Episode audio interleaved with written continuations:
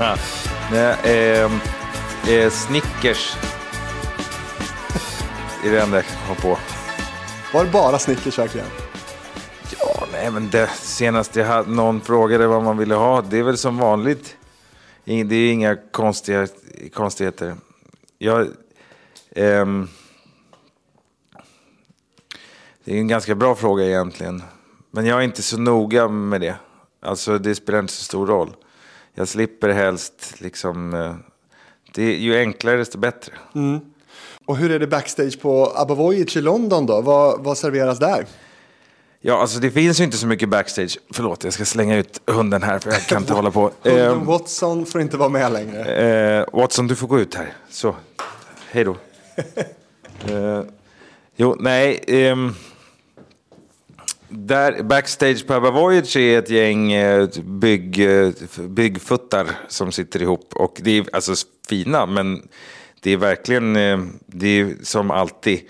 All backstage så är det ju väldigt oglamoröst och mer eh, praktiskt. Men de enda som egentligen har någon typ av liksom mysigt rum är själva bandet. Ehm. Och vad serveras där då? Nej, de får servera sig själva. Vi det finns ett kök och det är som ett, en kantin liksom. Och, och det där med, det vill jag också säga, att hela den här mytolo- Rider-mytologin, den kom, det är ju, den kommer ju av två saker. Ett, att någon vid något tillfälle, typ, inte fan vet jag, Ozzy Osbourne eller AC/DC, när de har varit ute och turnerat i liksom 14 år på raken mellan 1968 och 1980. Så ehm, till slut så, bara, så har man tråkigt. Och så frågar någon så här, vad vill ni ha när vi kommer till Melbourne? Ja, ah, okej, men vi vill, vi vill ha en backöl. Och så men bara gula M&M's som någon sorts practical, practical joke. Det skiter ju de i. Sen så nästa grej är att det är ju som vanligt liksom det är ju inte artisterna själva som ställer sina här konstiga krav. Det är ju någon så här otroligt märklig viskleken-problematik. Så ja, Madonna, hon vill ju bara ha, det måste vara så här Morris-tapeter alltså. För att, men det är ju för att någon jävla manager har sagt det någon gång och så har det blivit, så det är ingen, om någon hade frågat henne så hade hon sagt så här, nej jag behöver inget, jag behöver eh, hockey, omklädningsrum och ostbågar. En flaska Men- vatten typ. Ja. Eh, och så man ska inte döma eh, de stackars artisterna på grund av deras konstiga riders. För det är inte säkert att det är de som har skrivit dem själva. Det blev ett litet försvarstal kan man säga. det, var, det, och det gläder mig för jag, tänk, jag, tänk, jag, jag tänker ofta på det här. Det stör mig ofta. Ja. Har du inte varit på Abba Voyage så kanske du känner någon som har varit där eller så har du i alla fall hört talas om Abbas Avatar-show i London. Enligt medieuppgifter en av de dyraste musikupplevelserna i historien med en budget på 175 miljoner dollar sades det då. Och det ska det handla om nu. ABBA har ju en speciell plats i allas hjärtan och nu lever ABBA vidare i en ny form. Men hur växte den här idén fram? Hur gick inspelningarna till och vad är det för röster vi hör? Den som har svar på alla de frågorna det är showens producent som också är musiker med bakgrund bland annat i bandet Atlas och som gästar Hitfabriken i det här avsnittet. Jag heter Fredrik Rahlstrand.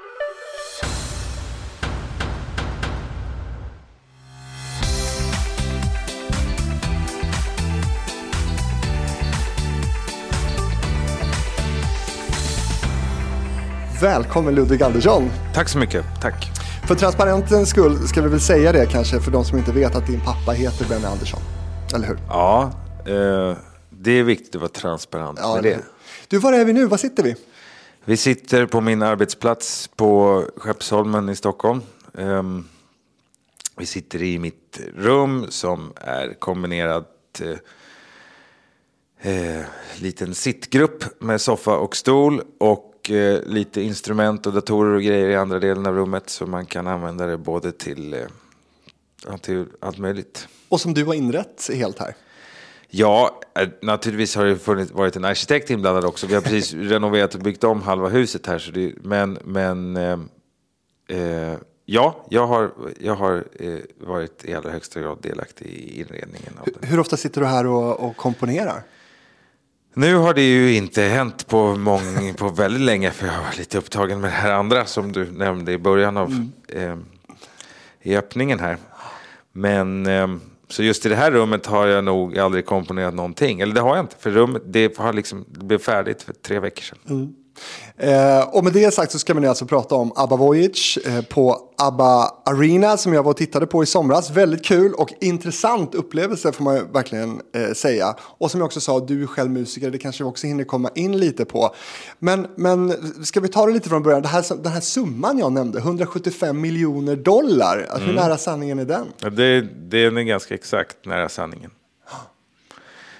Jättedyrt alltså. Mm, det var jättedyrt. det var jätte, jättedyrt. Eh, och det, jag vet inte vad den siffran säger egentligen om man ska förstå den. Den, den, den säger någonting om eh, eh skalan på projektet som sådant. Den säger någonting om omfattningen, antalet personer inblandade, eh, komplexiteten i innehållet och liksom Eh, den säger ingenting om någon glamour. För att, för, för att anknyta till vad vi pratade om tidigare. Utan de där pengarna gick åt till att göra den här skiten. Ja. Och eh, det var vad det kostade om man ville göra det vi ville göra. Men du, från det här då att man under hela ens uppväxt har hört att, att ABBA aldrig kommer stå på scen igen till det här då. Hur förvånad blev du över att det här blev av? Eh, inte så förvånad eftersom det var jag som gjorde det. Men, men eh, eh, jag kanske blev ursprungligen lite förvånad över att de som vanligtvis säger nej till allting tyckte att det här lät väl lite kul. Mm. Å andra sidan så i, ursprunget till det här var så pass eh, odramatiskt och bara som alla ursprung till allting börjar med någon som säger så ja men man kanske kan göra så här. Vad tror ni om det? Och det fanns liksom inget att säga nej till riktigt annat än att bara säga så ja det kan vi väl kolla på då.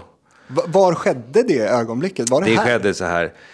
Någon kom hit till Skeppsholmen för sju år sedan och sa ja, jag har träffat en eh, person i, någonstans i Kalifornien som kan göra eh, enormt verklighetstrogna hologram, tror jag ordet som användes var. Eh, och skulle vi inte testkolla på det, man kunde göra något med ABBA. Och det är en sån där grej, det var en ovanlig grej, men det var också bara en av många grejer som kommer över tröskeln här. Ofta som, som i regel bara liksom sägs nej till. Um, men just det här, det var, kändes kul på något sätt. Så vi åkte till San Francisco och träffade någon där. Tittade på något. Vilka var det som åkte? Ja, det var nog pappa och jag och Björn. Um, och några till. Jag kommer inte ihåg. Alltså det, nu har det gått så lång tid nu. Ja. Men, men ehm, och det var kul och, och var där. Och det satte igång något i alla fall. Det satte igång en idé om att ja, men det här kanske man kunde göra. Och då fanns det ändå inte... I det skedet fanns, var det inget annat än att undersöka om det gick. Av olika skäl, så just de personerna där och just den varianten av den här idén, den... Eh, det blev inget av den. Eh, av, eh, det är inte intressant att gå in på varför, men som det är, det bara funkar inte. Eh, men när vi hade kommit så långt att vi kom fram till att det här kommer inte att gå, då hade vi ändå börjat, liksom, då hade den här snöbollen satts i rullning. Och idén kändes så pass kul och hade dessutom utformats till någonting annat än vad det ursprungligen var. Så att vi, då körde vi på utan dem där. Och det var då ungefär, det här är en väldigt förenklad variant, men det var ungefär då som jag träffade Svana Gisla, min eh, producentpartner. Och det var ungefär då vi kontaktade Industrial Light and Magic som är en eh, visual effects firma eh, som eh, är de som har gjort Star Wars och alla Marvel-filmer och allting. Och frågade om de ville vara med på det här och de sa ja, absolut. Och vi, ungefär i den vevan också, eh, hörde av oss till Bailey Walsh, vår regissör, och började prata om vad ska det här vara. Och, eh, och det kanske är fem år sedan då. Mm. Som, som eh, fröt till vad Abba Voyage sen blev såddes. Men det hade alltså försiggått av två år av någon sorts research and development-fas. Ursäkta att jag använder så jävla mycket engelska uttryck. Men vissa saker går, jag, kan, jag vet inte hur jag ska säga det annars. Um, men du var med från början i alla fall. När blev det liksom klart att du skulle bli en av producenterna för hela ABBA Voyage? jag var väl nog det från början. Det, definitionen av en producent är i princip någon som bara håller på och ser till att saker blir gjorda. Och det var, det var ju jag direkt. Och sen när det var dags att liksom, när man måste skriva, när man måste ha titlar så, så var det liksom, det var inget. Vad gjorde du innan ABBA Voyage då? Jag har alltid hållit på med sånt här hela livet. Det är ju bara, har ju bara varit en enda lång... Det, liksom, det, eh, det finns inget, jag har aldrig, det finns ingen skiljelinje i, i min tillvaro mellan livet och liksom arbetet. Det låter kanske pretentiöst men så har det alltid varit. Om det har varit musik eller teater eller film eller eh, vilka, vilka liksom konstnärliga uttryck det än har varit så har jag alltid, det har varit mitt liv. Så det känns inte, har aldrig känts inget av det här har känts konstigt. Eller liksom. Nej. Det är bara en, det råkar, det råkar vara lite större än att liksom göra en skiva med ett band som ingen vill höra. eller, eller det är lite större än att producera en film på svenska. Eller liksom. Men principen är exakt densamma. Man mm. måste vara en grupp människor som ska hitta på någonting som inte finns. Och det ska helst bli någonting som eh, eh, får en publik att känna någonting. Det är liksom det som är principen. 2017 så, så nämner då Benny i någon eh, svensk tidning att det är i alla fall någonting på gång, någon, någon virtuell show mm. på G. Eh, och sen dröjer det då eh, x antal år, fyra år tror jag, till 2021 innan den här hemsidan uppstår då där, där man ska avslöja att, att det är det här som är på gång. Det är ganska många år här eh, och mycket jobb gissar jag. Eh, hur lyckades ni hålla det här hemligt? Alltså det... Jag tror att vi lyckades hålla det hemligt framförallt därför att ingen brydde sig. Alltså det, är det, det, så? Ja, det är ju den enda rimliga förklaringen. Det, var, det har varit alldeles för många människor inblandade för att det liksom inte skulle ha läckt. Mm. Eh, så att det, det är någon sorts kombination av att det kanske inte var så jävla intressant och att, och att människor i den här branschen är ganska bra på att hålla hemligheter. Jag menar, man har att göra med några som ILM som är delägda av Disney så är det naturligtvis väldigt eh, hårda amerikanska eh, non-disclosure agreements som skrivs på. Så de är säkert också bra. De är bra på att hålla hemligheter. Mm. Det blir dyrt annars. Ja, alltså det jag vet, jag, skulle, jag antar det. Men framförallt tror jag bara att de, man, de flesta i, i, i, branschen är vana vid att inte säga liksom vad de håller på med. I alla fall inte i detalj. Och sen liksom, vad, vad, det var väl ingen som var så intresserad. Mm. Men ditt jobb som producent då? Jag tänker, hur inlyssnad på ABBA måste man vara för, för att sätta ihop den här showen? Är du sönderlyssnad på ABBA? Nej. Um det kan jag inte påstå att jag är. Men jag har ju någon sorts... Jag, jag, tror inte... På ett kort svar är att det har absolut ingen betydelse för mitt arbete som producent för det här. Att jag råkar ha liksom en intim relation på något sätt till, till ABBA. Um, det skulle vara det enkla korta svaret. Det lite längre svaret är väl att det är klart att jag har... Eh, en förhöjd... Jag är inte på något sätt en ABBA-konnässör. Det finns de som kan eh, liksom, ABBAs historia och musik och, och allting mycket, mycket bättre än jag. Däremot så har jag kanske någon sorts förståelse och inblick i, i musiken och dess beståndsdelar som är nå djupare på ett annat plan. Mm. Eh, eftersom jag känner, jag har en djup relation till den som hittade på musiken. Ja. Eh, det hjälper. Vad som också hjälper är att jag har en djup relation till vad ABBA eh, som enhet vill och inte vill. Och vad, liksom, vad man ska kalla det för eh, arbetskulturen inom ABBA är. Eh, mm. Vilket har gjort att beslutsprocessen är mycket snabbare. För jag har alltid kunnat säga så här, nej men det här kan vi inte göra. Vi kan inte ha, det kan inte vi kan inte ha den här sponsorn därför att det vill inte ABBA. Och det kan jag säga med övertygelse därför att jag vet det. Vad kan det eh, vara för sponsor? Det var bara ett exempel. Ja. Men ABBA vill inte ha någon sponsor. Nej. Alltså bara så. Det, det, det, det, och därför har vi ingen. Men kan det eh, också vara ett problem det här med... Jag gissar att det kan vara svårt att vara objektiv också. Nej, jag skulle säga att jag är mer objektiv därför att jag också saknar den liksom... Eh, när, när människor jobbar med något sånt här eh, nu ska jag försöka komma på rätt ord. Jag, jag saknar liksom um, vördnad inför ABBA. Jag är, inte, jag är inte försiktig, eller för min del kan man göra vad fan som helst. Alltså jag, jag, jag saknar... En utomstående skulle naturligtvis vara väldigt säga, ja men vi kan nog inte röra det här för det är så här, medan det skiter jag i, bara det blir bra. Mm. Och, och eh, så jag, jag, behandlar inte ABBA eller ABBAs verk med silkesvantar. Eller, så det är en kombination av det och att ha en förståelse för vad som kan och inte kan göras. Som jag tror har varit eh, bra. Men jag vill eh, vara noga med att poängtera att det här är bara en del i det är inte därför jag är bra på att vara producent för ABBA Voyage. Det, det är ju liksom ett... Jag är 41 år gammal och jag har ägnat hela mitt liv åt sådana här saker. Så det är liksom en... Eh, den eventuella kompetens jag har eller inte den har ingenting med min pappa att göra på det sättet. Nej, nu pratar vi egentligen innehåll här ju. Ja. och det som ABBA Voyage är och det som man som publik ser. Liksom. Och den här kompositionen som det blir av en, den här typen av, av show. Och om man lyssnar på det här så kanske man, och när man hör då att du liksom, eh, när du beskriver din relation här så undrar man kanske vad, vad du har för, liksom, vad Abbas musik betyder för dig. Alltså, Mm. Jag tycker att som, som, som barn till musiker, då kanske man också känner att man inte lyssnar på exakt samma som ens föräldrar gör. Eh, man kanske till och med revolterar mot det ens föräldrar gör och så vidare. Vad, vad är din relation till den här musiken? Um, det, det är mycket svårt för mig att skilja på jag har inget att jämföra med, så jag kan inte avgöra om min relation är annorlunda än vad den skulle ha varit annars.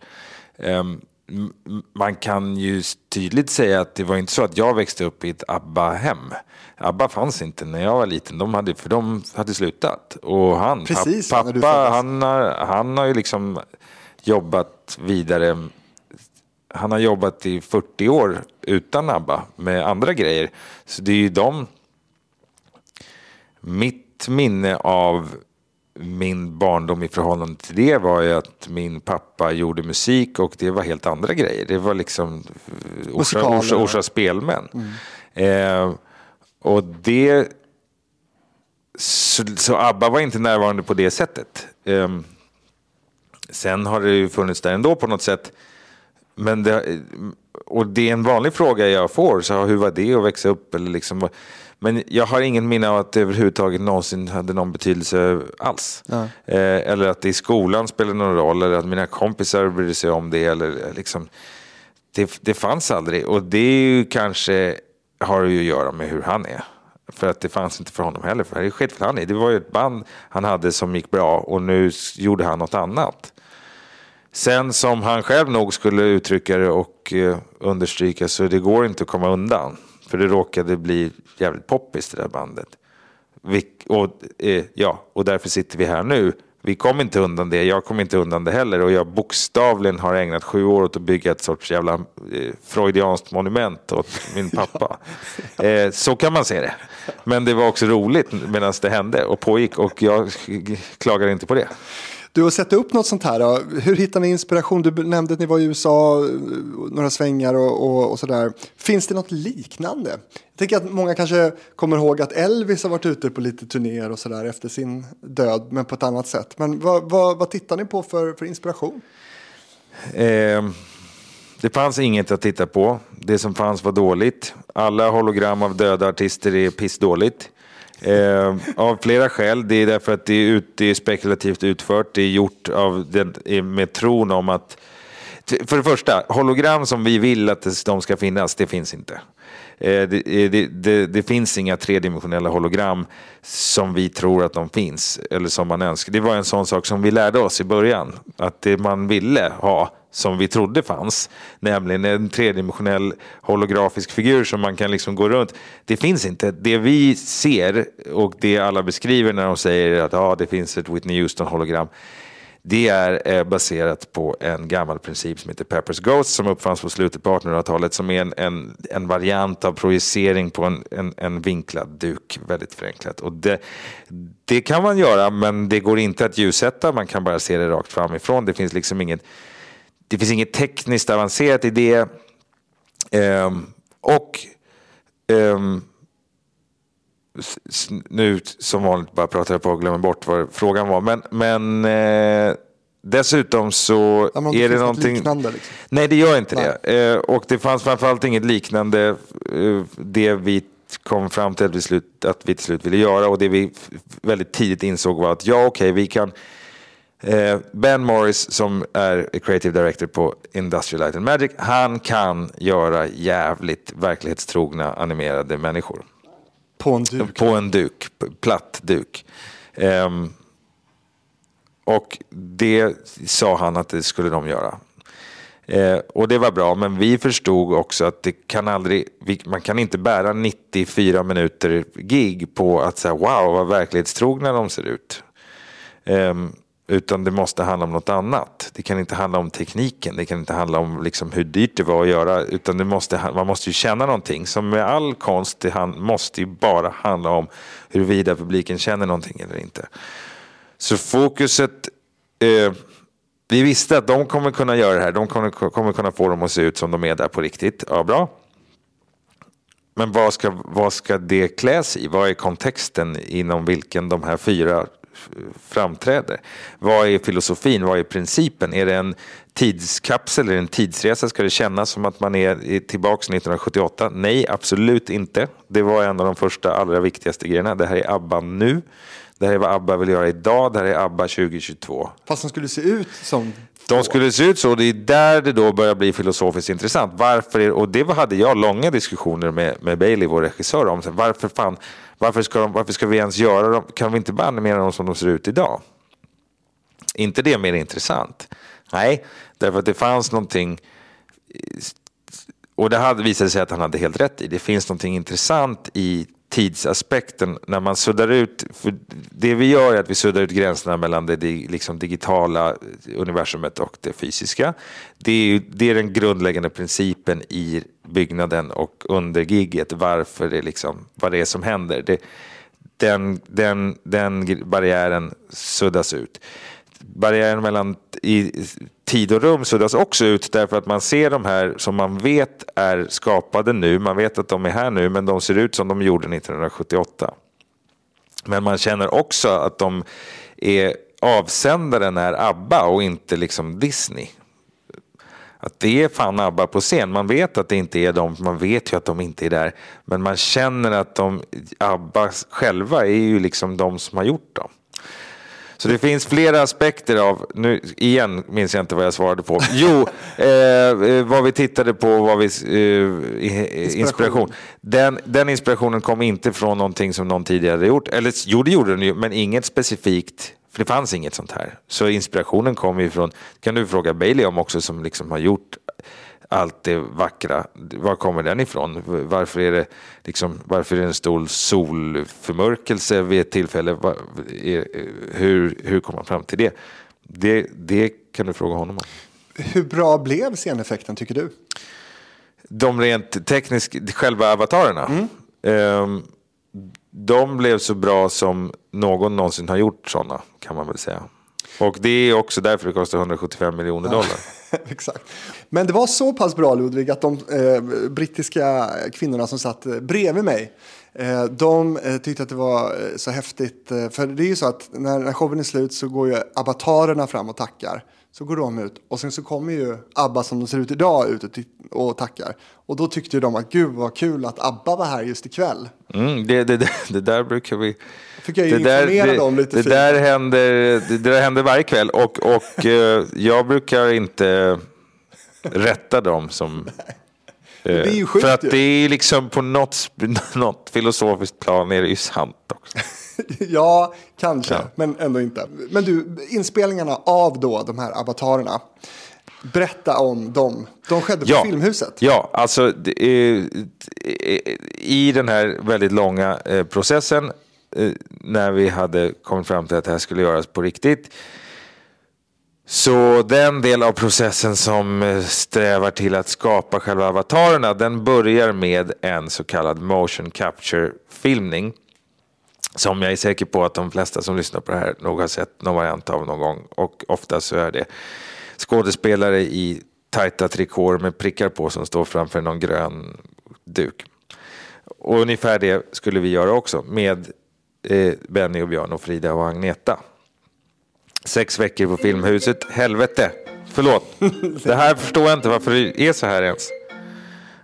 Ehm, sex veckor på Filmhuset med riktiga ABBA och eh, 100 pers från ILM. Och, eh, i, Vilken studio var ni? I den stora, jag vet inte, vi hade, de, vi hade byggt ihop de två stora.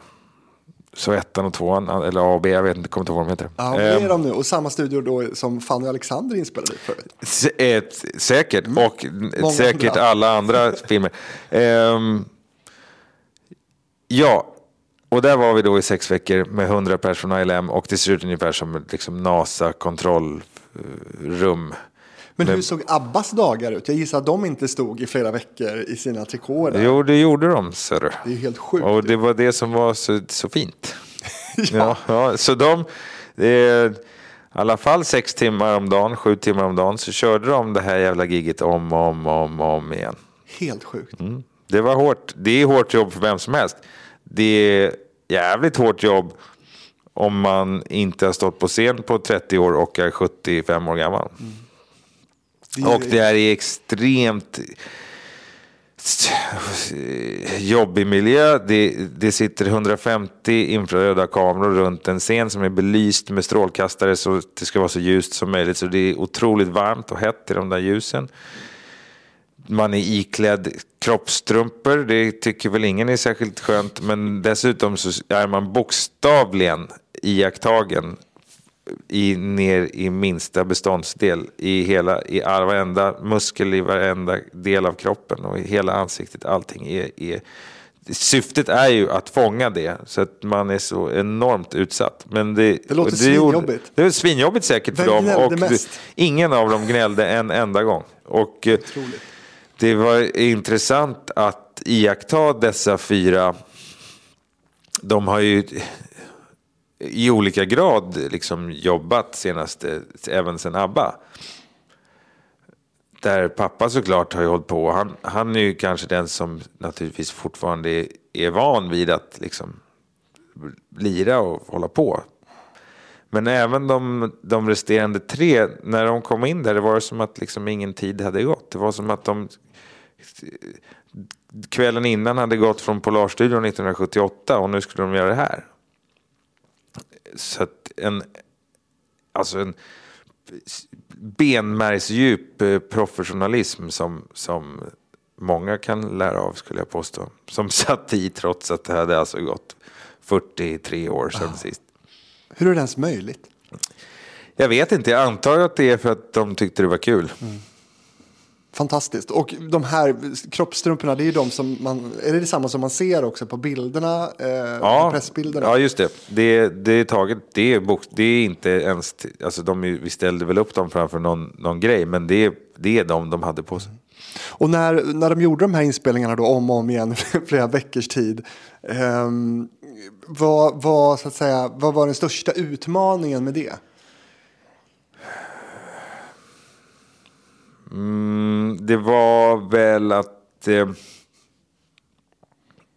det blev inget. Så fort det började så fanns det var ingen utmaning därför att de var så bra. Det, utmaningen låg väl innan i att ingen visste om, om de skulle liksom... Skulle de orka eller skulle de tröttna eller skulle det gå att fånga någonting här som var värdefullt? Och det visade sig att det gick ju alldeles utmärkt. Så när det, vi väl var igång var processen angenäm, skulle jag påstå. För alla. Var det bra luncher? Ja, det var det. Var det. Tack för att du frågar. Eh, det var väldigt bra luncher. Eh, vi hade, ABBA hade ett eget liksom, rum bredvid. Nu, nu kommer jag säga emot det jag öppnade hela samtalet Ja. med. Eh, därför att det var ett jävla bra eh, backstage green room. Men det var ju också ett, inte ett tillfälligt, utan det skulle ju vara för sex veckor. Och då har man lite tid att göra det lite trevligt. Men sen, jag menar, det var, lunch, det var vanliga, alla åt samma sak såklart. Det var, det var, vi var ett crew på 120 pers och det var liksom eh, bespisning ute i korridoren där på Filmhuset. Så alla, det var ju vad alla åt, inklusive ABBA. Möjligen någon ABBA. kväll fick de hamburgare. Eh, men annars så... Men du, de hade också, det, det står på internet. Ja. Det betyder att det inte behöver vara sant. Ja, det är det säkert sant. Det mesta, jag, ja, kör på. Men det här med, de, de har också använts av någon slags body doubles.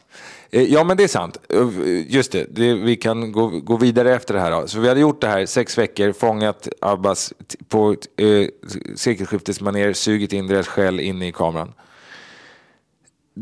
En 75-årig kropp rör sig inte som en 29-årig kropp, hur gärna man än vill.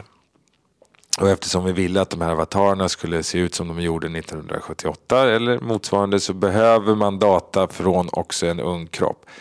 Wayne McGregor, våran eh, koreograf, eh, som till vardags är på Operan i London, han eh, är inte bara koreograf utan närmast liksom rörelsevetenskapsman och väldigt intresserad av liksom rörelsens DNA. Så han studerade vad Ab, riktiga ABBA gjorde och sen två månader senare Tre månader senare så gjorde vi exakt samma grej igen i London men med fyra unga människor som då imiterade exakt vad riktiga ABBA hade gjort men bara för att de var 29 år gamla gav rörelserna liksom en, en annan eh, struktur. Och sen kombineras den datan med riktiga Abbas data. Och så fram, ur det, det här är en förenklad förklaring till hur det här går förstår till. Och sen ur det får man då de här fyra så kallade avatarerna. Så frågan är ju då lite, vad är det jag ser? Vad är det man ser? Du ser ABBA, Frida, Benny, Agneta och Björn. Det, i, I vissa tillfällen så det är deras rörelser som ibland har liksom förlängts av en yngre kropp. Men, men det är helt och hållet baserat på dem själva. Och sen blev det en hel arena också. Ja, och det kan man säga i sammanhanget när vi väl hade hållit på i flera år och jobbat och också ganska tidigt kom vi fram till att det här kommer inte gå. Ursprungligen var det ju no, liksom tanken att man turnerar. Men vi insåg tidigt att det kommer aldrig att gå. Vi har alldeles för mycket grejer. Det går inte att flytta dem. Vi måste bygga en egen arena och då var vi redan inne i liksom den underbara hybris som skapar av att alla är del i ett stort projekt som bara rullar framåt. Så då var det liksom, ja men vadå, vi kan väl bygga, vi bygger en arena. Det, ja, ja, visst. Eh, så här i efterhand så, det var ju ett projekt i sig kan man säga. Ja. Ehm, men, Kollade ni på andra lösningar också? Alltså att, typ redan befintliga arenor och sådär? Eller? Mm, lite grann. Men det, fann, det fanns inget. Eh, det finns inget inne i Londons stad som hade de... Konserten är väldigt baserad på exakta mått. En del i det som gör eh, upplevelsen trovärdig är att allt som sker i det digitala också sker i det fysiska rummet. Alltså varenda ljus som, som finns på riktigt reflekteras i den där skärmen. Och det är helt baserat på i vilken vinkel de ljusen rör sig och var de är. Och det i sin tur är exakt utmätt av ILM. Så det är inte bara avatarer som är komplicerade att göra utan det är reflektioner av ljus och skuggor också som är enormt komplicerade. Och det betyder att man måste först, allting har gjorts baklänges, man måste först designa platsen. Sen måste man välja ljus, man måste göra en ljusdesign innan man ens har några ljus. Sen måste ILM mäta och digitalt återskapa de ljusen för att kunna återskapa det i det digitala. Så att vi visste redan så här, den här storleken behöver vi. Det finns inte, vi måste bygga vår egen. Mm. Och kommer den stå nu för alltid och heta. ABBA Arena för alltid? Hur ser långsiktiga planer ut? det, den långsiktiga planen är att vi kommer vara kvar där tills folk slutar köpa biljetter eller tills eh, vårt hyresavtal med Londons stad eller, eh, går ut. Och det som händer först helt enkelt. Och just nu har vi fem år, kan vara kvar i fem år till på den här eh, platsen. Vi hoppas kunna få vara kvar längre. Om, om, vi, om vi fortfarande säljer biljetter såklart, annars är det ingen idé. Men kan ni också sätta upp andra grejer där? Alltså skulle The Party kunna köra där? Och, alltså, The Party ska vi in absolut inte göra. Det, det ska inte vara någonstans om du frågar mig. nej, okej. Varför inte då? Nej, det jo, det kan det vara. Det är bara jag, jag, jag har inte varit inblandad i det. Och eh, det, det är väl kul att de håller på. Du är stark motståndare bara? Nej, jag är inte stark motståndare. Det är bara kanske inte min favorit eh, spin-off. jo, det är kul och folk, folk älskar det där. Det gick jättebra här i Stockholm och, och i Göteborg. Så det är kul. Och det, det är Björns grej som han har hållit på med och det har, ju, det har han gjort väldigt bra. Mm. Um, jag har inte varit inblandad i det och därför självupptaget och narcissistiskt tycker jag inte att det, det är inte lika bra som allt som jag har varit inblandad i. Men du har sett The Party? Jag har sett The Party, men det kan man absolut inte ha där. Man kan inte ha någonting annat i den där arenan. Man kan om man vill, men, men det går inte att... Det är så pass känslig miljö också att man kan inte... För det är klart att vi har pratat om så ja, men på måndagar och tisdagar vi kan hyra ut det till eh, Ford som kommer att presentera en ny bil eller vad fan. Men det går inte därför att varje gång man gör någon typ av förändring i rummet. Man, om någon har varit där och bytt ut eh, en LED-lampa i någon lampa, vilket måste göras då och då, och då pratar vi om liksom 9000 LED-lampor då måste man omkalibrera alltihopa och då måste man köra de extremt komplicerade datasystem som styr hela eh, giget måste sedan köras igenom därför att det blir alltid något fel. Det blir alltid något ghost in the machine. Varje gång någon har gjort någonting så blir det något fel och då måste man köra hela giget igen utan publik för att se att det liksom inte är något fel. Gud. Så man kan inte ha något annat där inne för det blir för mäckigt. Man kan heller inte ta Abba Voyage ut ur den där arenan. Den går inte att liksom göra på tv. Utan, och det är en del i hela grejen, att det är en plats, det är en live-grej som händer där och då. Det kan inte existera någon annanstans. Um, och det är inte, jag hittar, det är inte bara liksom en, en åsikt, det, det går det, det, det är sant. Det går inte att göra på något annat sätt. Hur många gånger har Abba sett showen? Alltså pappa pappa var ju där under hela repetitionerna i sex, sju veckor eftersom han liksom är musikaliskt ansvarig. Så det, det, han räknas inte för han är liksom... För involverad? Ja. Eh, Björn var där ganska mycket också under repen. Frida och Agneta, Agneta har sett det en gång, hon var där på premiären. Mm. Frida har kanske sett det fyra gånger, fem gånger. Mm. Sitter de i publiken då? Ja. Det måste ju vara lite surreal. Jag tror det. Ja, det. Det är en intressant fråga att ställa till dem, liksom, vad, hur det där... Jag, tror, jag tror en del i det att för dem, för dem så de har ju liksom själva sett sig själva hela jävla tiden på tv. Mm. Eller inte för att de söker upp det, men för att det liksom är ju där. Alltid har alltid varit där. Så det kanske egentligen inte är så konstigt. De kanske... Men vad jag tror att de kanske känner, som jag tror är nog roligt, är att sitta bland 3000 människor som uppenbarligen gillar en. Eh, det är nog inte helt eh, oangenämt. Eh, och känna att det där som vi gjorde för så där länge sedan, de här människorna tyckte att det var bra. Att det betyder och någonting fortfarande. Det betyder något fortfarande. Det är säkert jävligt det är ju, det är ju, måste vara, det är ju en unik grej. Ja. Det, det, men det får du fråga dem om vad det betyder. Nej, jag tänker mer för publiken och, och sitta med dem. Det här är lite jo, men dels, så, dels så känner de inte igen dem. För, för, de känner igen Frida och Agneta, men Björn och Benny känner de inte igen därför att all, den allmänna uppfattningen om hur de ser ut är ju att de är 29. Mm. Det, de kan gå igenom, det har vi gjort flera gånger, man bara går genom hela arenan, genom liksom front of house och restaurangerna och allting. Det är ingen som ens vänder på huvudet. Det är ju sjukt det. Ja. Och, då är det bara massa, och så är det en massa svenskar där också. Svenskar i och för sig. Svenskar känner nog igen dem mer ja. än, än vad engelsmännen gör. Har du räknat hur många gånger du har sett den här showen? Nej, Nej. men jag har sett den i sju år. Så att jag menar, det, det, kan, det, så, det går inte att räkna så. Du spyr på den? Nej, och, och jag var där senast förra veckan två gånger för jag liksom måste åka dit och kolla. Dels åka dit och kolla att allting låter och ser ut som det ska. Vi är nu uppe i 260 gjorda gig. Eh, men sen så är det ju liksom en drift av det där som mm. dagligen ej längre är, faller under mitt arbetsbeskrivning. Men jag är ju fortfarande ansvarig. Så um, det, det är en annan typ av jobb nu. Det, det, det är drift av liksom 130 personer som jobbar där varje dag och allt som uppstår kring det. Och sen är det kvalitetskontroll och liksom maintenance. Mm. Vad är det för sång? vi hör i showen? Det är de gamla, eh, förutom när det gäller de nya låtarna som är med, så är det de gamla tagningarna från originalinspelningarna. Som är sparade då? Där det visade sig till exempel att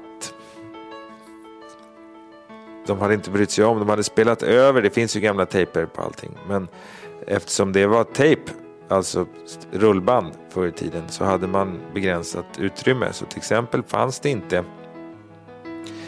det gick inte att, eh, och då på den tiden var allting då separerat på olika band. De hade spelat över originalsången på Chiquitita med tyska Chiquitita till exempel. Eh, därför att de tänkte, fan det spelar väl ingen roll. Så det fanns inte. Så vi var tvungna att liksom karva ut, det kan ha varit Fernando också, jag kommer inte ihåg, men någon av dem var vi tvungna att karva ut leadsången på ett mycket komplicerat sätt från, liksom, den, från mixen. Men därför att de det säger en del om liksom hela grejen. Det är klart att när man håller på tänker man så här, fan, det är ingen som behöver det här. Vi får använda utrymmet till den tyska liden istället. Fruktansvärt roligt. Ja. Rolig, bra story så här ja. nu. Du, det sägs också att det, är din, att det var din idé att, att starta hela showen med den relativt okända Visitors. Eh, stämmer det? Nej, det tror jag inte stämmer. Det, det kan det ha varit, för jag skulle nog ha haft den idén också. Men jag tror att det var nog en Johan Renck-idé kanske.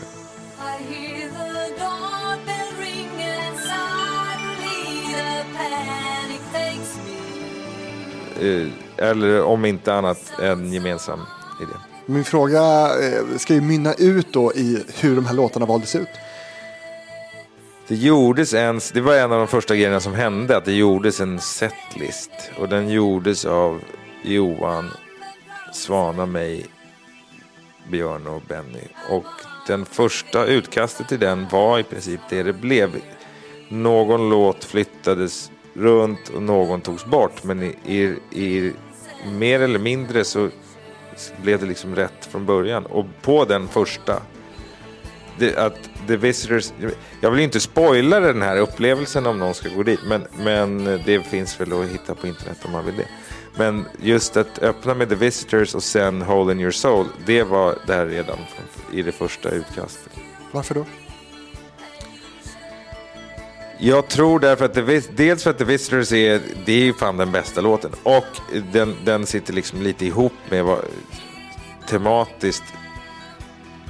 Det är en bra öppnings, musikaliskt tematiskt bra öppningsnummer. Den heter The Visitors. De kommer liksom på besök de här figurerna. Den är också en sen låt och den gjordes efter att de hade slutat turnera så att den spelades aldrig live. Hade de fortsatt köra live så är det mycket troligt att de hade öppnat med den även då, alltså 1980 eller när den skivan kom.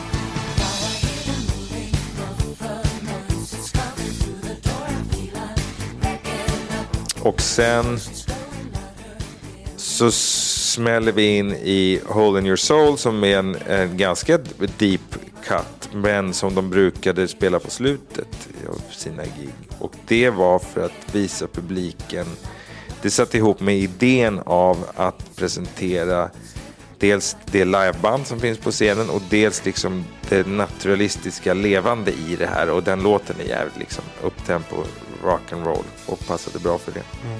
Vilka är dina favoritlåtar i, i showen?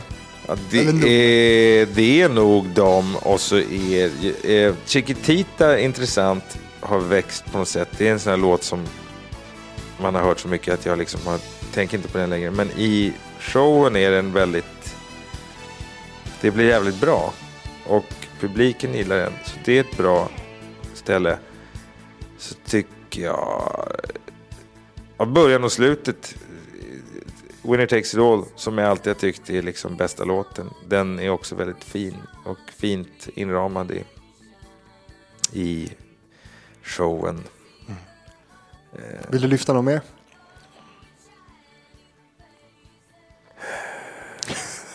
Ja, jag försöker tänka på om det finns någon som liksom har en specifikt bra idé också. Det här är då motsägelsefullt, men Does your mother know är, är med. Men det är då livebandets låt. Och den är alltid kul för att den bryter upp lite grann. Och sen är det liksom snyggt hela tiden. Baileys olika liksom estetiska val är så vackra. Um, det finns ju ett läge där, där till exempel ehm, Lay All Your Love On Me övergår till Summer Night City. Och den övergången är något ja, utöver det vanliga. Jag vill inte avslöja mer, men den är väldigt liksom, visuellt effektfull och musikaliskt bra. Så det är ett bra ställe också. Vilka låtar saknas tycker du? Um, jag, jag saknar egentligen inga. De jag saknar är sådana som aldrig skulle kunna vara med i alla fall. Sådana låtar som liksom ingen har hört. Det finns en som heter Lovers Live a Little Longer som jag tycker är bra.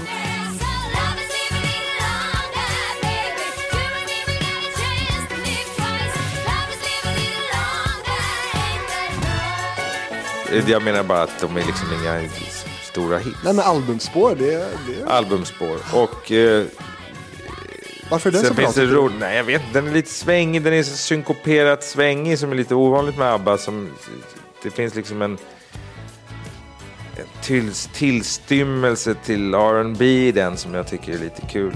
Eh, men sen är det sådär roligt. Eh, eh, finns några roliga liksom, gamla låtar som jag gärna skulle ha med men som det liksom går inte för det är ingen som känner igen dem. Säg! Det finns en rolig som heter Mama Said.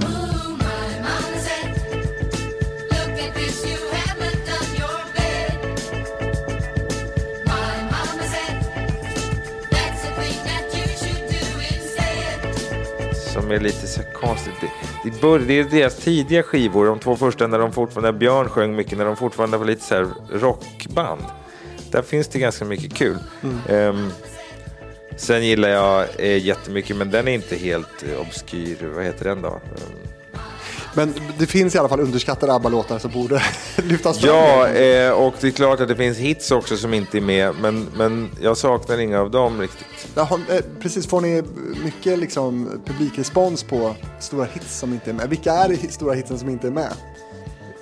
De vi får oftast är varför inte Super Trooper med, varför är inte eh, Take a Chance on Me med. Det är stora låtar. Eh, det är stora låtar och svaret på den frågan är att den ena var med men togs bort och den andra tycker pappa är alldeles för tråkig för att ha med. Vilken är vilken? Det säger jag inte. Nej, är det hemligt?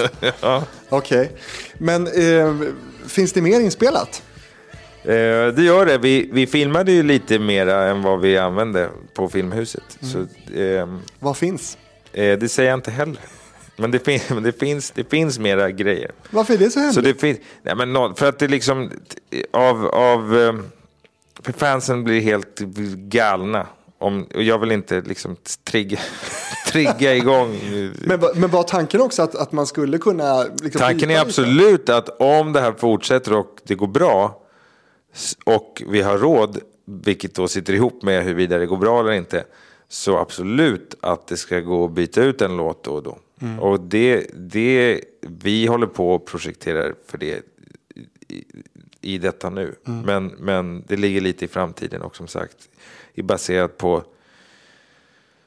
eh, om, om folk fortsätter köpa biljetter så kommer det bli så. Ja. Men det kan man ju aldrig veta. Just nu så gör de det. Men man kan aldrig, det går aldrig att veta om saker ska gå bra eller inte. Men det finns sådana planer. Hur många låtar var det då som, som finns att ta av? Kanske finns fem eller sex. Tror jag vi gjorde till. Mm. Och hur många är med i showen nu? 21 va? Mm. Eller 20. Spännande. Mm. En kan du säga. Men jag kommer faktiskt inte ihåg. Men nu, vi, som sagt, vi gjorde ju i alla fall Take a chance on me. Eh, mm. den finns. Mm. Jag vet inte, jag minns inte om vi gjorde Super Trooper. Det borde vi ha gjort. Vi gjorde säkert Money, Money, Money. Um, men jag minns faktiskt inte exakt. Och det finns ingenting som säger att man inte kan göra det igen. Eh, så det, det, är mycket möjligt att man kan ta vilken låt man vill.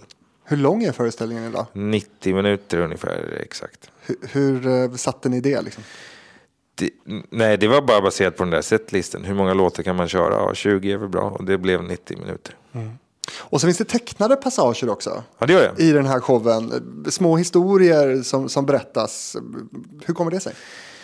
Det finns två skäl. Det, det, det ena var att det alltid fanns någon idé om att ha någon typ av liksom dramaturgisk linje genom alltihopa. Och om man är väldigt uppmärksam så kan man skönja den här figuren som dyker upp i de här två animerade passagerna som alltså är Eagle och Voulez-Vous. Mm. Hen dyker upp även innan giget. Jag vet inte om du minns, men det är en skog där. Mm, jättefin. Och den här Rora, som den här figuren heter, springer där mellan träden om man mhm. tittar noga. Eh, och då fanns det någon idé om att det liksom skulle följa med som någon typ av liksom abstrakt eh, dramaturgi. Eh, och, sen, och sen finns det en mycket mindre abstrakt dramaturgi som är att det är skönt att bryta av. Man pallar kanske inte och hålla på med de här avatarerna hela jävla tiden. Utan det var, och det här är någonting som publiken, om det är någon, något klagomål vi får så är det just det. Så, men varför är det tecknad film? Um, jag tror de har fel i det. Jag tror att om den inte hade varit där så hade de känt att vad långt det är. Eller liksom. Mm. Men, men är kritiken då att man tycker att det förtar lite av att, att de står där och att det liksom... Ja, men de måste, de måste gå och göra något annat. Det, det här sker ju även liksom på ett så att säga, vanligt gig, att det händer. Det, det kan ju vara så här. Artisten går och byter kläder och så händer något annat. Och det är i princip det vi gör. Det, eh, och vi ville bryta av med någonting annat, liksom en annan berättande form. Eh, och då blev det så där. Vad tycker du om kritiken då? Nej, det är skit Oj, då får, då får vi gå och se något annat då. du, stämningen under showen i arenan då? När är den som bäst skulle du säga? Um, den, den, den, brukar ju pika någonstans vid Dancing Queen kan man väl säga. Mm. Eh, av förklarliga skäl. Men även när Waterloo kommer brukar det bli ganska bra drag. Ja, det skulle jag säga. Eh, så att det, och det finns någon sorts... Det är skillnaden på matiné och kvällsföreställning. Alltså i princip skillnaden på om folk har druckit eller inte. så, så ställer de sig upp. Om, de har, om, det är jävligt, om det är en bra kväll då står de upp redan i Mamma Mia. Vilket är alltså fem, sex låtar in. Ja. När jag var där en okej okay kväll då är det Waterloo. Mm. Um, uh, och en normal kväll så är det Dancing Queen. Mm. Du, vad har ni liksom finslipat och sådär sen, sen premiären? Det går inte. Det, det, fin, det finns inget, det går inte att slipa för att allting kostar en miljon dollar i minuten och tar sex år. Åh gud. Okay, så det, som är... det, går inte. Nej. Vad man kan... Man kan, det, det, all musik är ju live så det är ju någonting som liksom går att slipa på. Och mm. det, det, är ett ständigt ljudarbete för att det händer saker. Och liksom, den gitarrist som kommer när den ordinarie gitarristen är sjuk. Hon kanske spelar på ett annat sätt och då måste man anpassa liksom, eh, olika saker efter det. Sånt pågår ju hela tiden. Och så man kan finslipa publikens upplevelse utanför själva liksom, eh, eh det inre, ja, mat, dryck och liksom, mm. Eh, t-shirts. Um, men det som avatarerna håller på med, det går inte att slipa på. Och det går heller inte att spela in nytt då gissar jag? Eh, det kan man ju göra, men det tar ju som sagt eh, om, vi skulle, om du och jag skulle bestämma nu så ja, men vi, ska, vi måste, de måste köra Stairway to Heaven också. då skulle vi om, vi, om vi hade pengarna, då skulle vi kunna ha avatarerna körande Stairway to Heaven i gigget om kanske ett och ett halvt år. Mm. Det är inte helt... Nej, nej, det är, så det, och det är det vi håller på att planera nu för om man ska byta ut någon låt och så. Uh Vi ska inte spela Stairway to Heaven. Men det kan bli nyinspelningar? Om det, går, om det är tekniskt möjligt, eh, ja. Men det är sånt vi håller på att undersöka. Tekniskt möjligt eller? Jo, men det handlar ju om att man ska då klä i de här stackarna. Jag är inte så säker på att de fyra vill var på Filmhuset i sex veckor till. Det kan till och med ha varit så att vi lovade att vi aldrig mer skulle tvinga dem till det. okay. men, men det här är en väldigt stor grej. Eh, skulle du säga att det här är det största ABBA har gjort? Eh, det är en intressant fråga. Ja, det är det nog. Eh, konstigt nog. Ja, det är ju garanterat det dyraste. Alltså, det är det dyraste någon har gjort. Så mm. det är inte bara en... Eh... Mig veteligen så finns det ingen om vi inte är inne på liksom göra film av Titanic så, så tror jag ingen har gjort någonting dyrare. Alltså, jag vill inte, fast det spelar liksom ingen roll, det kostar vad det kostar. Men det är det största de har gjort också tror jag ur uppmärksamhetssynpunkt eftersom att nog, de har alltid varit poppis. Det är därför det här funkar. Men det, och det var ingen som kunde veta. Och det är, tror jag är viktigt att ha med sig här. att Nog för att vi alla visste att ABBA är rätt poppis. Men att det här skulle fungera eller att någon jävel skulle bry sig om att de skulle släppa en ny skiva och göra ett nytt gig. Det kan man inte, det kan man inte veta. Så när vi hade då den här lanseringen av allt det här, när nu det var för, förra augusti. Då tänkte vi så här, ja men det, det kommer väl kanske bli lite, liksom, lite kul. Vad som i verkligheten hände var ju att till exempel BBC flyttade sina kvällsnyheter för första gången sedan andra världskriget. Eh, som ett exempel på vad som liksom reaktionerna på det här blev. Sjukt, och, och liksom första sidesnyheter i hela världen. Och det var väl tänkte vi nog att någon skulle bry sig om, men att resultatet skulle, att det skulle bli sånt jävla liv, det, det kunde ingen veta. Och det var ju kul. Och det, det ledde till då, då var vi ett år, det var ett år kvar tills vi skulle öppna. Det, det, men det det gjorde var ju att säga att ja, det gav alla lite vind i seglen. Liksom. Att det är okej, okay, för det hade kunnat vara så att vi hade lanserat det där så hade det varit så här, jaha, ja kul men måste de hålla på? Då hade det känts lite, då hade det känts lite motigt att liksom fortsätta ja. repa och bygga ett år till för någonting som ingen ville gå på. Men som tur var blev det inte så. Men det jag vill säga med det är att man kan all, inte ens med någonting som så uppenbart populärt som ABBA, man kan aldrig veta. Det kunde lika gärna gått helt åt helvete. Det, öd, det, låter ju otroligt ödmjukt av er, men ni, ni trodde Nej, men det är inte så mycket ödmjukhet som bara liksom, eh, sanning och erfarenhet. Det, det, det, man kan aldrig veta. Och de som kommer och säger så här, ah, it's a sure thing man, it's a sure thing. De ska man akta sig för. Sa bandet nej till någonting någon gång? Eh, de sa nej till, de säger nej lite då och då till olika saker och det kan ofta ha att göra med så jag kan inte komma och göra det. Alltså när vi har tjatat på dem att vi vill att de ska göra någon typ av marketinggrej eller intervjuer eller. Ja, men jag tänker kring showen nu. jag tyckte. minns inte faktiskt. Jag tror inte det. Jag tror att alla idéer som presenterades, för att allting passerade innan någonting gjordes så, så så var de inblandade. Mm. Alltså, i den här låten vill vi göra så här, vad tror ni om det? Och så fick de se alla eh, eh, previsualiseringar, alla liksom, storyboards och allting. Och så här, de, så här, vi skulle vilja att ni har på er de här kläderna. Um, där i, i klädtillkomsten så fanns det kanske inte, inte nej så mycket som att ja, men jag skulle hellre vilja ha kan jag inte ha byxor här istället för kjol? Eller jag gillar inte de där örhängena. Alltså det var en ganska, där var de jävligt inblandade. De var inblandade i allting, men det var en sån sak där det tydligt fanns saker att diskutera. Eftersom de naturligtvis måste få bestämma vad de har på sig. Ehm, men inget sånt där tydligt nej, det, det tror jag inte. Nej.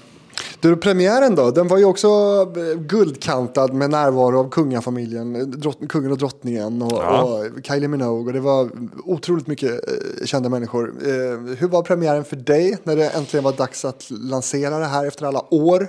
Det var, ro, det var en mycket rolig...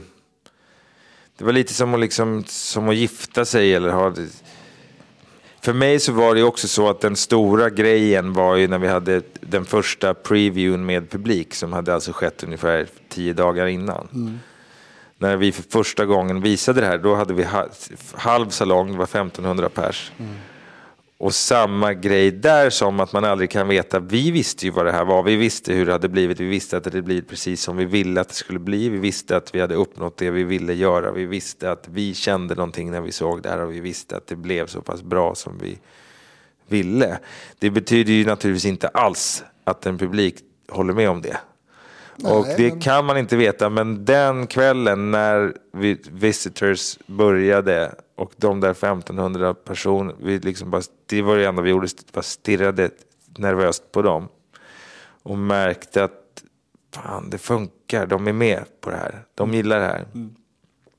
Det var ju den, den egentliga premiären för mig. Var satt du under premiär? Eh, på, rikt, på den 26 eller 27 när det var, då satt jag uppe i ett av de här som vi kallar för dan, dance booths med mina kompisar. Det var ju det också, jag hade ju bjudit liksom 90 kompisar från Stockholm. Så det, det, det blev mer det, att jag ville ta hand om dem och se till att de hade det bra. Och, jag var i och för sig, jag var ganska, jag hade på mig, jag hade mitt headset med min mix, jag kunde prata med alla och liksom höra eh, ifall det skulle vara något. Och det var en massa skit, det var någon som svimmade nere i, liksom det hände massa jobbiga grejer precis innan. Var det Kylie? Nej, det var någon som längst fram i, av fansen. Det var ju nämligen hälften, hälften var fans inbjudna från fanklubben. Mm. Um, nej, det var en fantastisk kväll på alla sätt. Um, och alla var glada och vi kände liksom, ja, det gick. Och, och sanningen är att sen var jag färdig mm. efter det. Nu har jag jobbat dagligen med det här sen dess, men, men det riktiga jobbet var ju slut. Mm. Vi hade tagit det dit, vi hade byggt den där jävla arenan, vi hade hittat på den här saken, vi hade fått ihop hela showen, vi hade repat och nu var det gjort. Nu är det ju så här, ja, okej, okay, vi måste måste dra om eh, de här eh, avloppsrören här därför att när man kör mikrovågsugnarna inne i, i restaurangen samtidigt som de kör handfläktarna inne på toaletten då går det en propp här som gör att, alltså sånt är det ju hela tiden. Det är inte riktigt lika kul. Men det måste ju göras. Som tur är så är jag inte, inte bara jag som behöver bry mig om det. Nej. Um... Jag tänkte fråga hur, hur, full du var på premiären, men jag kom på att du dricker inte va? Eh, nej det gör jag inte, så jag var inte speciellt full. Eh, för, att inte säga, för, inte, för inte säga inte alls. Um, eh, det hade jag varit, det, jag hade varit det, det, hade jag varit om det hade varit 17 år tidigare. Ja. Ganska eh, ordentligt kanske till och med. Jätte, jätte, jättefull hade jag varit och antagligen dessutom massa annat också. Men det var förr när jag var yngre. Ja. Men det, å andra sidan hade jag det hade, det hade inte funnits en chans i helvetet att jag hade lyckats liksom genomföra det här heller. Så det, det, det är en separat historia. Ja, men det om man, man är så som jag var, då, kan man, då blir det inget gjort. Nej. Stökigt. Men du, nu pratas det ju om att eh, Abba Voyage ska sättas upp på fler ställen i världen. Hur involverade du i det då? Eh, jag är, det är då i allra högsta grad. Det är du eh, som driver det? ja, det är, så igen, det är inte bara jag, men vi är tre som driver det. Och, Hur, ja. Eh, ja. Hur går det? Det går bra, det, det finns intresse. Um, det är, en, det är en enorm apparat, så den som i, på de här andra platserna ska liksom vara våran partner, den måste väldigt noga tänka över det för att det är liksom det tar lång tid att bygga och det kostar väldigt mycket pengar och så vidare. Men vi, eh, just nu så är, innan någon säger stopp så är planen att göra i alla fall två till ABBA Voyage ute i världen. En i Nordamerika, en i Sydostasien. Vet du var eller? Ja, eh, jag vet inte. Eller det är väl skitsamma, men vi, pratar, vi tittar på Las Vegas, vi tittar på Singapore, vi tittar på Australien och vi tittar på lite olika ställen. Mm. Nog, ja, noga utvalda ställen då gissar jag? Utvalda baserat på var det liksom vi tror att det är rimligt att hitta någon som vill hjälpa till att göra det. Mm. Alltså, eh, jag skulle ju till exempel mycket, jag vet inte om jag ska säga sånt här i och för sig. Jo. Um, nej, Las Vegas känns ju som en helt rimlig plats eh, av liksom underhållningsskäl. Rent personligen kanske jag inte tycker att Las Vegas är så jättekul ställe att vara på. Så jag, jag, det hade varit bättre om det var någon annanstans. För 17 år sedan hade du älskat det. Ja, och eh, precis. Eh, men det, fan vilken mardröm det hade varit. Det var sex veckor full i Las Vegas och repa med ABBA Voyage. Det hade aldrig gått. Du hade aldrig kommit tillbaka? Nej, det hade jag inte Jag hade dött. Men, men nej, det blir kul. Uh, Hur långt kan man ta fenomenet ABBA som du ser det? Nej, nu får, det får ju vara slut nu. Jag trodde att det här, det fanns ju en risk att det här skulle vara liksom ABBA-strået som bröt kamelen eller vad fan det heter. Um, men nu får det ju räcka, det här får, det, nu kan vi inte hålla på med det. Jag vill inte hålla på med det med ABBA. Det, nu råkar jag ha liksom gjort det här så jag måste hålla på med det här och det är kul. Och jag är mycket stolt och glad över det här jag har gjort här. Men det, finns ju annat, man vill väl göra annat i livet också. Men vad menar du med det? Alltså det är slut med exploateringen ja, av ABBA. Ja, nu får man slut på exploateringen av ABBA. Varför då? Varför blir det inte en till skiva? Varför, alltså... jo, ja, men det kan det bli. Det är en sån sak det gärna. Men det, det är ju inte mitt eh, bord. uh, kan det bli en ny skiva? Eh, om jag skulle säga nu så här, ja kanske det, då igen, då blir det fan-freak. Och, och det, så jag, det finns ingen som har sagt, ingen, jag vill vara tydlig med att ingen har överhuvudtaget sagt någonting någonsin om att det någonsin ska göras någon ny skiva. Jag, frågar du mig så är det en sån sak som man, de skulle kunna göra, för det är inte att exploatera, det är att liksom skapa och göra någonting nytt. Har du lagt fram det för pappa? Eh, nej, men det ska jag fan göra, för det, tror jag, det är en bra idé. Och det tror jag att, möjligen, det skulle de inte ha någonting emot, för det tyckte de var kul. Det här andra, och liksom hålla på och vara ute, det är det de inte gillar. De vill inte hålla på och vara liksom kända ABBA-människor ute i världen. De gillar att jobba. Finns det och, låtar då? Nej, det vet jag inte. Det får du fråga honom. Det skulle han nog säga att det gör det inte. Men han får väl hålla på ett tag. Du, har det försvårat för dig någon gång det här med att jobba med din pappa? Alltså jag tänker, ja, vem som helst som skulle jobba med sin pappa kanske skulle ha liksom, dubier kring det. Ja, alltså det är väl familjeföretagets eh, grundläggande problematik. Nu, vi, jag ska ju, där vi sitter nu, så han sitter ju liksom i motsvarande rum fast 30 meter bort. Eh, och så har vi alltid haft det. Eh, det finns inga problem med att jobba med sin pappa. Eh, särskilt inte när ens pappa är som han är. Mm. och motsvarande skulle han då nog säga att det finns inga problem att jobba med sin son när en son är som han är. Eh, men vi kommer överens om allting, vi tycker samma om det mesta. Finns det några nej-sägare här då? Som, på kontoret? Som, ja, som är liksom... Kan nej, nej, det gör det inte. Nej. Uh, uh, det gör det inte. Men det är också det här...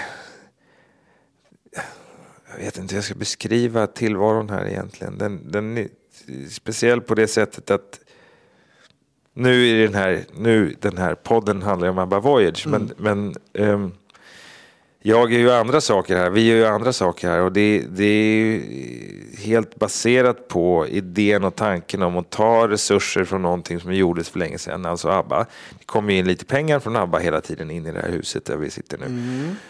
De, min tanke har de senaste 15 åren varit att använda delar av de pengarna för att skapa nya saker. Och ur det har det då kommit en, en, en serie Eh, firmor som går under namnet RMV. Där vi har RMV Grammofon, RMV Publishing, RMV Film och studion RMV där borta.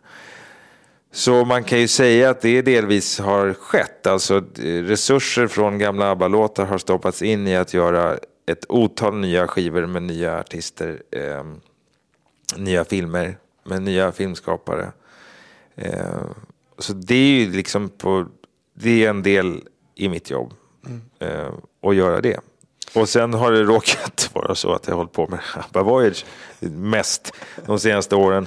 Men nu, jag försöker ju, försöker ju bryta mig ur från det lite grann för att återgå till annat. Det är ganska svårt. Eh, ABBA the Party till exempel. ABBA the Party, nej det, det, får de, det får de som håller på med det sköta. Och det gör de med den äran. Jag vill verkligen poängtera att jag ska inte sitta här och gnälla över det. Det går jättebra, folk älskar det. Men det, jag, jag vill vara tydlig med att det har ju ingenting med ABBA Voyage att göra. Det är två helt olika saker. Ska vi Ludvig avsluta lite och prata om eh, musik som du har gjort också? Som jag gillade ju Atlas väldigt mycket. Det, du är snäll som säger det eh, och jag blir glad att du säger det. Eh, jag, jag gör också det. Mm. Eh. för 2011 så släppte ju då ditt band Atlas skivan Empires of Stuff. Ja. Min favoritlåt. Fan, är det tio år sedan? Ja. ja, det är det. Känns det eller? Kroppen? Inte alls, inte alls faktiskt. Eh, och det blir ju väldigt otäckt. Ja. Men, ja, men... Vilken är din favoritlåt? Ja, vad tror du?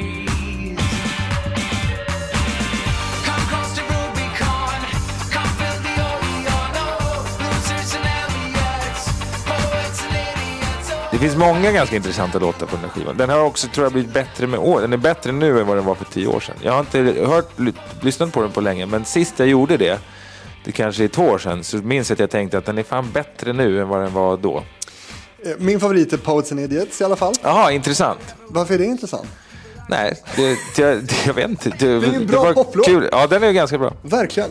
Var det liksom hits som ni jagade med gruppen? Eller vad, vad kände du liksom var... Nej, det, alltså det gör väl alla alltid, men det har jag, alltid, det har jag aldrig förstått hur någon kan sitta och tänka sig nu ska vi skriva hits. Bara det blir vad det blir liksom.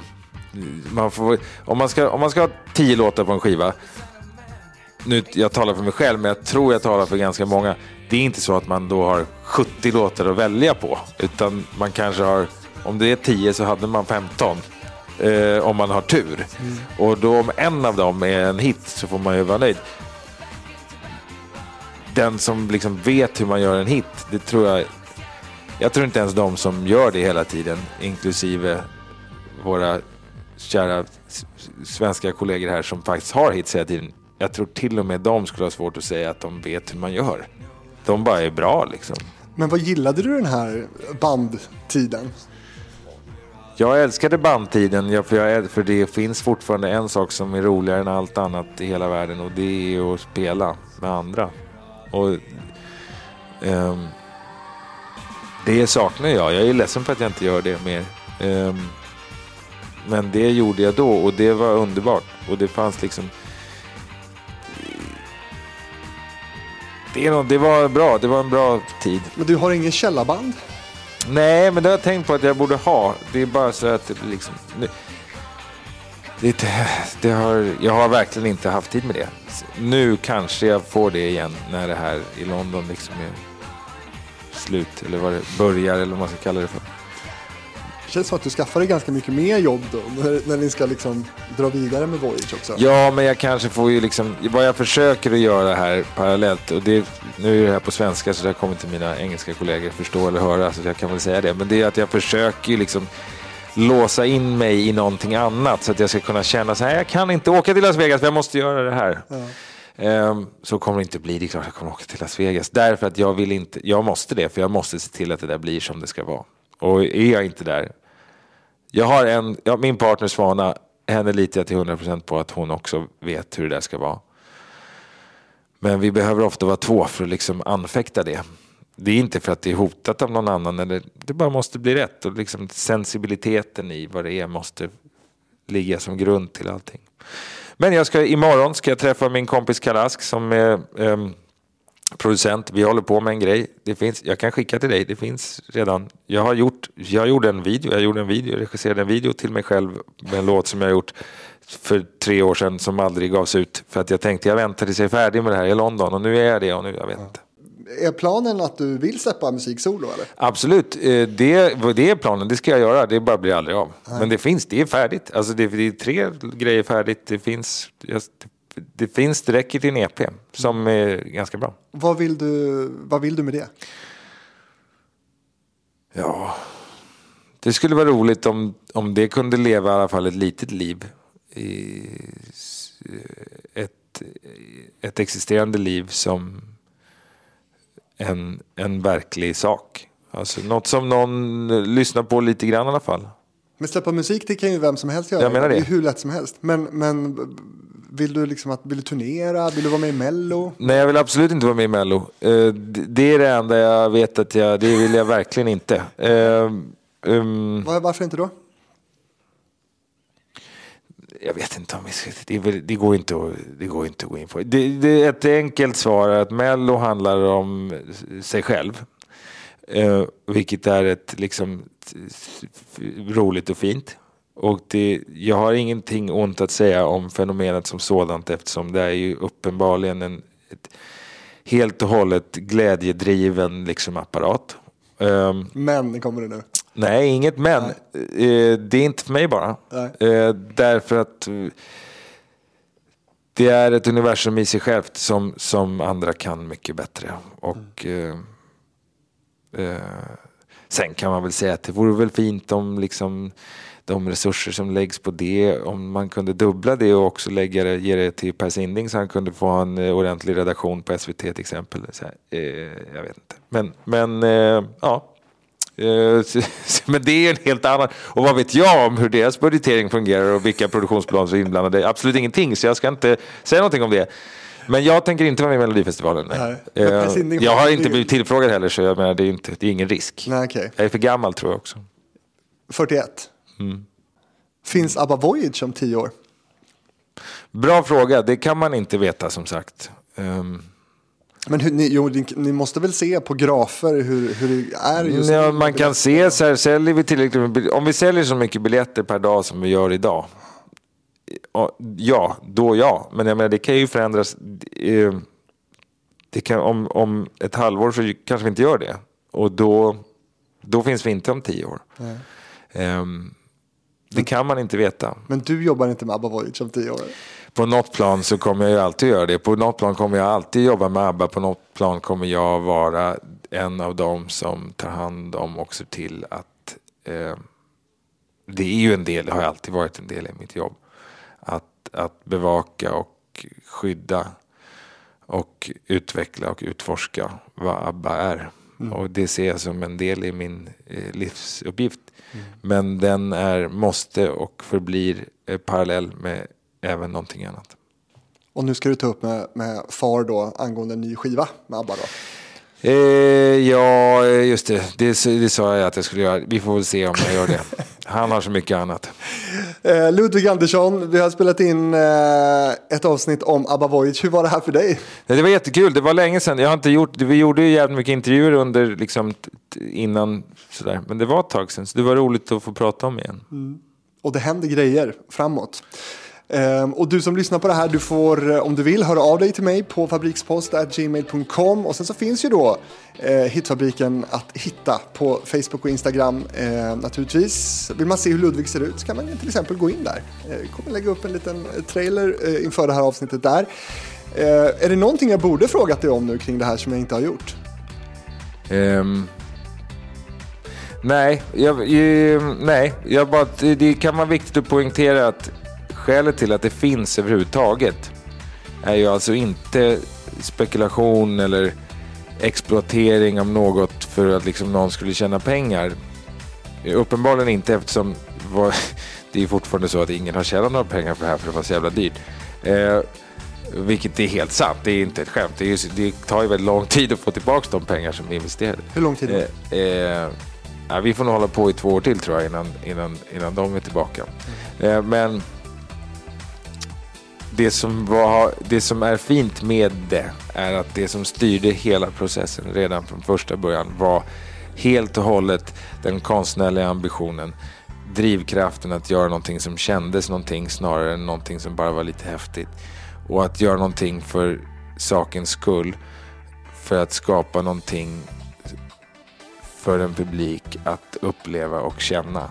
Och ingenting kom i vägen för det. Ingen Investor, ingen kostymnisse på något grammofonbolag. Ingen kom i vägen för det. Och det ska de kostymnissarna ha tack för. Men det är också en ganska ovanlig grej att någonting så stort får hållas och bara vara helt baserat på att skapa någonting speciellt. Och eh, därför blev det bra tror jag. Och ni tog det i hamn? Ja, det gjorde vi och det var ju tur mm, eh, också. Men, men eh, det var så njutbart hela tiden och det tror jag kanske känns när man är där. Ludvig Andersson, tack så mycket för att du var med i Hitfabriken och lycka till framöver både med Voyage och med dina solprojekt. Tack så hemskt mycket. Tack för att jag fick vara med.